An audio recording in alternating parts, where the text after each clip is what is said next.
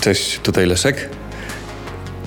Dzisiaj wyjątkowy podcast, czy może to jest zbyt górnolotne słowo, trochę inny, bo prosto z mojego biura, prosto z mojej pracy, w międzyczasie nagrywam, w międzyczasie robi się kawa, w międzyczasie generują się etykiety wysyłkowe do paczek, które y, będę wysyłać, a gdzieś tam jeszcze przez cały czas w tle y, wykonują się takie zadania, y, na które nie mam czasu, albo takie, którymi nie powinienem się y, zajmować, bo są inne osoby, które lepiej znają się na pewnych zagadnieniach niż y, ja sam, a po drugie czasami są to zajęcia takie, które sprawiają, że e, nieproporcjonalnie dużo energii swojej własnej e, zużywam na wykonanie rzeczy, które niekoniecznie nie zawsze ja muszę robić. Y, ten wstęp to tak naprawdę mm, preludium, też znowu górnolotne słowo, do filmu, który będę opracowywać za jakieś um, dwa, może trzy tygodnie na temat tego właśnie skąd i jak znaleźć czas na uprawianie sportu. Teraz wśród kartonów, wśród lepszej akustyki chciałem wam powiedzieć o tym, E, skąd bierze się takie przekonanie, że zbyt wiele osób nie ma zbyt wiele czasu na to, żeby regularnie uprawiać sport? Pierwsze pytanie to jest e, rzecz jasna, jakie jest nasze wyobrażenie na temat y, amatorów, triatlonistów czy też kolarzy? Ile oni spędzają na tym rowerze, czy tych, w tych butach biegowych, czy w tym jeziorze dziennie lub też tygodniowo? Większość moim zdaniem e, sportowców, amatorów nie poświęca na sport moim zdaniem więcej jak 6 godzin tygodniowo. Naprawdę.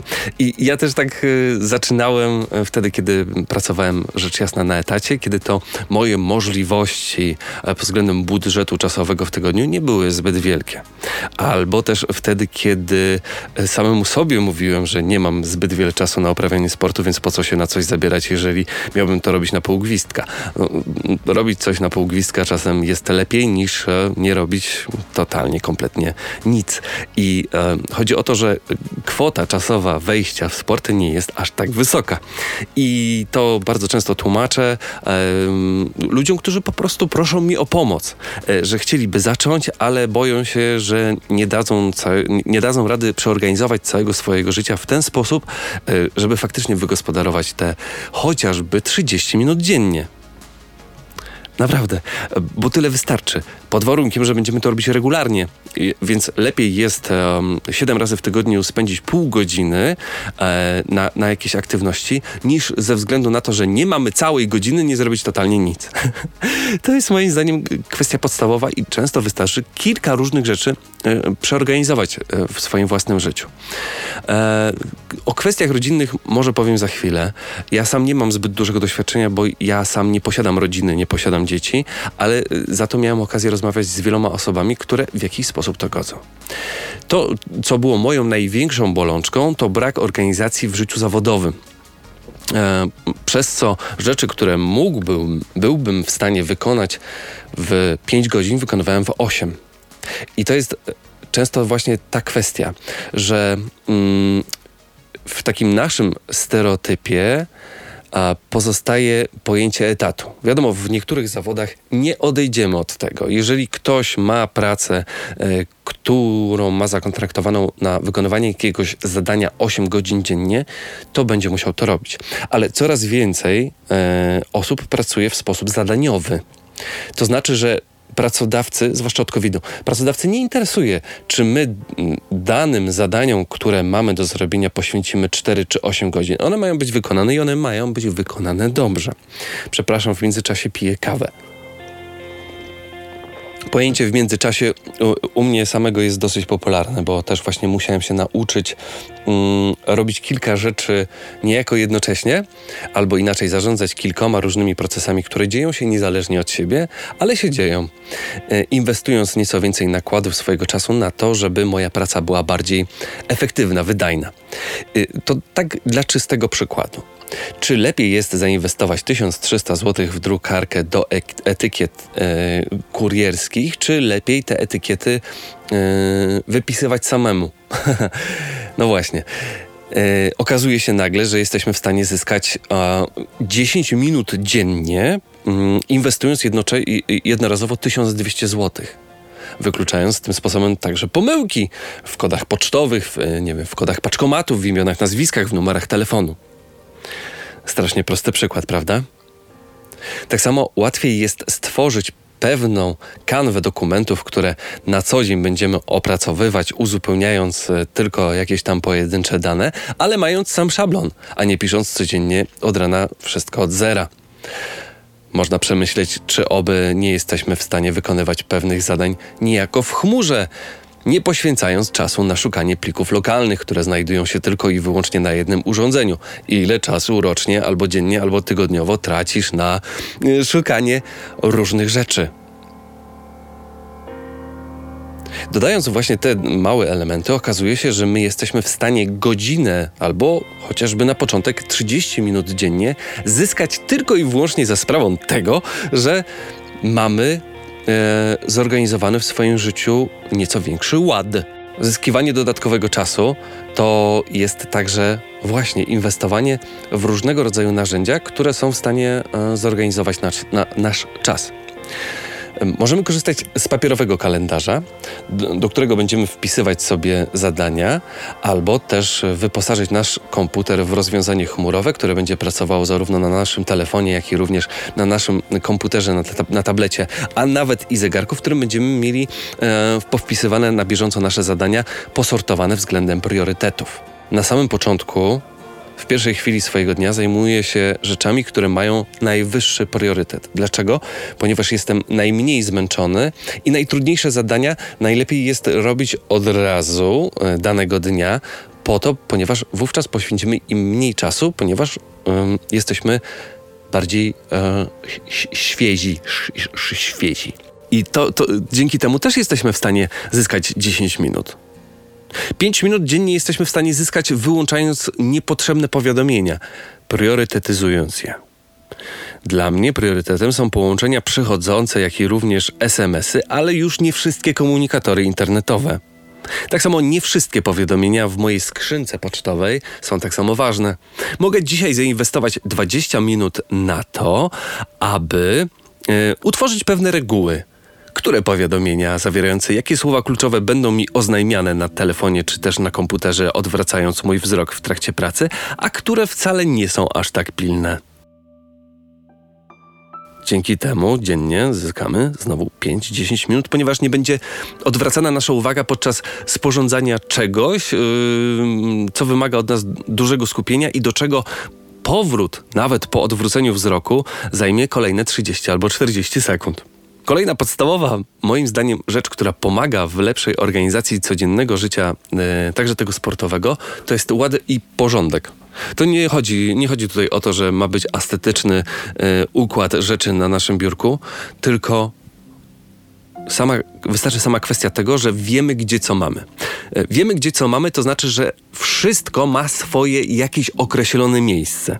Nie jestem święty pod tym względem, bo zdarza mi się zgubić kluczyk od śmietnika, zdarza mi się e, czasami coś bezwiednie położyć w miejscu, w którym nie powinno być, ale w przypadku mojej pracy zawsze wiem, gdzie się znajduje dana rzecz bo pamiętam, gdzie ona ma swoje miejsce. Wyobraźcie sobie prowadzenie sklepu warzywnego, w którym to codziennie w innym miejscu znajdują się u Was pomidory.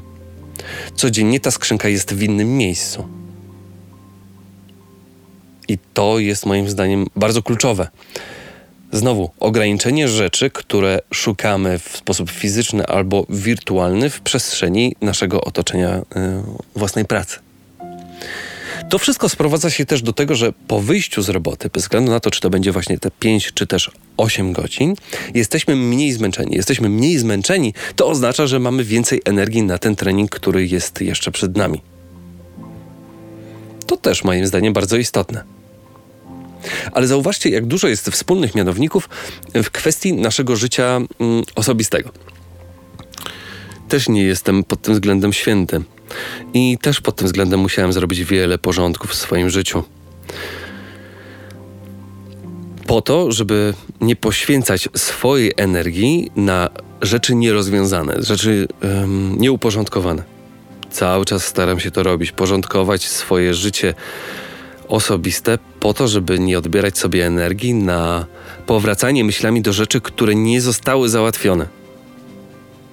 to męczy. A zmęczenie psychiczne prze, pro, składa się, mm, przekłada się na to, jak bardzo będziemy zmęczeni e, często na tym treningu. Albo jak często będziemy podejmować decyzję o tym, że dzisiaj nic nie będziemy robili, ponieważ czujemy się zmęczeni. Ponieważ mamy zły humor już nie mówiąc o tym, że im gorszy mamy humor, im gorsza jest nasza forma psychiczna, tym bardziej powinniśmy się jednak zmusić do tego, żeby zrobić ten trening. On nie musi być półtorej godzinny i leniwy. On może być 40-minutowy, bardziej intensywny. Tak, to są właśnie kwestie, które samemu sobie musiałem wytłumaczyć i które zrozumiałem właśnie tylko i wyłącznie dlatego, bo u mnie wszystko e, było dokładnie odwrotnie niż e, tak jak jest e, opowiadając wam o tym z dzisiejszej perspektywy. Wówczas jest właśnie mniej pretekstów do tego, żeby jednak wychodzić z tego założenia, że ja nie mam czasu. Bo to jest wszystko kwestia chęci, a kwestie chęci przekładają się na różne działania w naszym życiu zawodowym, jak i również osobistym. Wydaje mi się, że e, też kluczem e, w życiu rodzinnym wielu osób, które poświęcają nieco więcej czasu na sport, jest kwestia dogadania się w naszym związku. Bo jeżeli, jeżeli para się kocha, to jest w stanie zaakceptować pewne pasje i pewne potrzeby, i dzięki temu jest w stanie także zająć się pewnymi obowiązkami wtedy, kiedy my będziemy potrzebowali trochę tego czasu dla siebie. Myślę, że można się dogadać na to, żeby z, jedna e, strona pomogła tej drugiej, kiedy e, chce wyjść na godzinny rower albo na godzinne bieganie. Wspierając w tej pasji, wymi wymieniając się jakoś zadaniami, yy, tak żeby podział był sprawiedliwy i tak, aby podział ten dawał właśnie możliwość wdrożenia mm, naszych planów, naszych marzeń. Mam tutaj właśnie na myśli chociażby sport, przygotowanie do zawodów. Myślę też, że mm, podstawą tego wszystkiego to jest po prostu rozmowa. Rozmawiać o wszystkim, rozmawiać o naszych własnych potrzebach. Wprost. Jak, jak małe dzieci. Zauważcie, że małe dzieci bardzo często prosto z mostu myślą to, co czują. E, I to jest moim zdaniem e, nie, niezwykle zdrowe. Wiem, że czasami strasznie trudne, I nie zawsze mi też udaje się mówić wprost o tym, e, co czuję i jakie są moje potrzeby, ale to niesamowicie pomaga. To przełamanie się. Powiedzieć drugiej osobie, że ten sport to nie jest to tylko głupie pedałowanie z kolegami albo z koleżankami. To jest też mój sposób na odreagowanie po to, żeby być lepszym partnerem, mężem, ojcem, matką. Bo każdy z nas potrzebuje właśnie tego, um, takiej swojej własnej enklawy, w której może się zaszyć i, e, i zrozumienie tego jest właśnie, tak mi się wydaje, podstawą udanego związku, który siebie wspiera także w tym, żeby jedna i druga strona miała czas na rozwijanie swoich własnych pasji.